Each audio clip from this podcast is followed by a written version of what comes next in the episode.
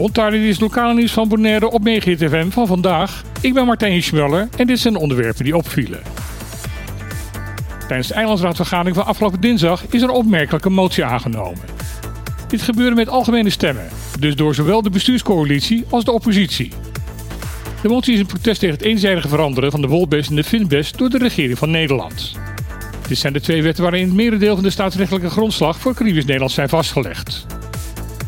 Al geruime tijd is er sprake dat deze wetten niet meer van deze tijd zijn en nodig aangepast en gemoderniseerd moeten worden. Momenteel wordt daar hard aan gewerkt, maar wat daarbij opvalt is dat deze veranderingen volledig door Den Haag worden gedicteerd en gestuurd. Er is geen enkel inhoudelijk debat geweest met het wettelijk gezag van de drie BES-eilanden over de inhoud van de wetten. De eilandsraden kunnen alleen achteraf feedback geven. Dit is de nieuwe eilandsraad van Bonaire in het verkeerde keelgat geschoten. In de motie wordt eraan gerefereerd dat de Verenigde Naties heeft bepaald dat de staatkundige verhoudingen met een voormalige kolonie niet eenzijdig door de voormalige kolonisator kunnen worden veranderd. De motie roept het nieuwe bestuurscollege op om deze mening van de Eilandsraad kenbaar te maken aan het Nederlandse parlement en regering. Ook wordt gevraagd om dit door te geven aan het Comité van Dekolonisatie van de Verenigde Naties. Met een feestelijke bijeenkomst heeft Edison Reina officieel afscheid genomen als gezaghebber van Bonaire. In diverse toespraken werd Reina genoemd om zijn besluitvaardigheid. Gedeputeerde James Kroon noemde de aftredende gezaghebber de constante factor op Bonaire van de afgelopen negen jaar. Volgens Kroon is de vooruitgang op Bonaire voor een groot deel aan Reina te danken. Ook de gezagdragers van andere eilanden waren lovend over de nieuwe speciaal gezant voor Caribisch Nederland. Collega-gezaghebber Jonathan Johnson van Saba bedankte Reina voor de goede samenwerking na de orkaan in 2017. Reina zelf noemde het gezaghebberschap een baan zonder vakantie. Hij sprak de hoop uit dat Bonaire kans ziet om de eigen identiteit en cultuur de komende jaren te blijven behouden. Wie de belastingaangifte voor 2022 nog aan het invullen is en daarbij hulp nodig heeft, hoeft op dit moment voor die hulp niet de helpdesk van de Belastingdienst te bellen. Want dat lukt namelijk op dit moment niet of nauwelijks.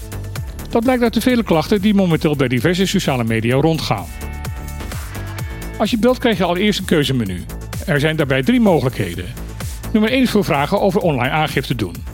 Helaas, als je daarvoor kiest krijg je niemand aan de lijn, maar kom je gewoon weer terug bij het keuzemenu. Ook optie 3 voor aangifte van particuliere bedrijven brengt geen uitkomst.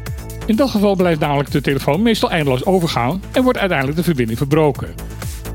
Een woordvoerder van de Belastingdienst heeft tegenover de Antilliaans Dagblad uitgelegd dat de mensen vooral niet voor keuze 1 moeten gaan. Dat blijkt namelijk alleen bedoeld te zijn voor technische vragen over het online invullen van de belastingaangifte en niet over inhoudelijke vragen. Over het niet opnemen wanneer je dan kiest voor keuze 3 is de woordvoerder duidelijk. Er zijn momenteel te weinig mensen die de telefoon kunnen aannemen. Daardoor blijft de telefoon maar rinkelen. Er wordt op dit moment aan gewerkt om dat probleem zo snel mogelijk op te lossen. Dengue is een erg nare ziekte waar je zelfs aan kunt overlijden. Tot voor kort was je jezelf beschermen tegen gestoken worden door de tijgermug de enige manier om te voorkomen dat je de ziekte kreeg. Daar is nu verandering in gekomen. Vorig jaar is een vaccin tegen de ziekte goedgekeurd voor het gebruik in Europa. Daarmee is het ook goedgekeurd voor gebruik binnen de BES-eilanden. De eerste vaccinatie met het middel hebben ondertussen in Europa al plaatsgevonden en volgens Landelijk Coördinatiecentrum Reizigersadvies is de vraag binnen Nederland naar het vaccin groot. Artsen adviseren vooral mensen die al eerder een besmetting hebben opgelopen zich te laten vaccineren.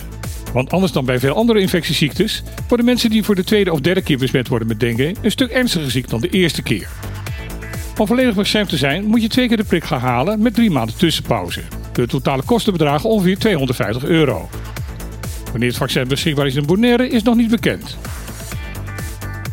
Dit was weer het lokale nieuws van vandaag op Megahit FM. Ik wens iedereen een hele mooie dag toe en dan heel graag weer. Tot morgen.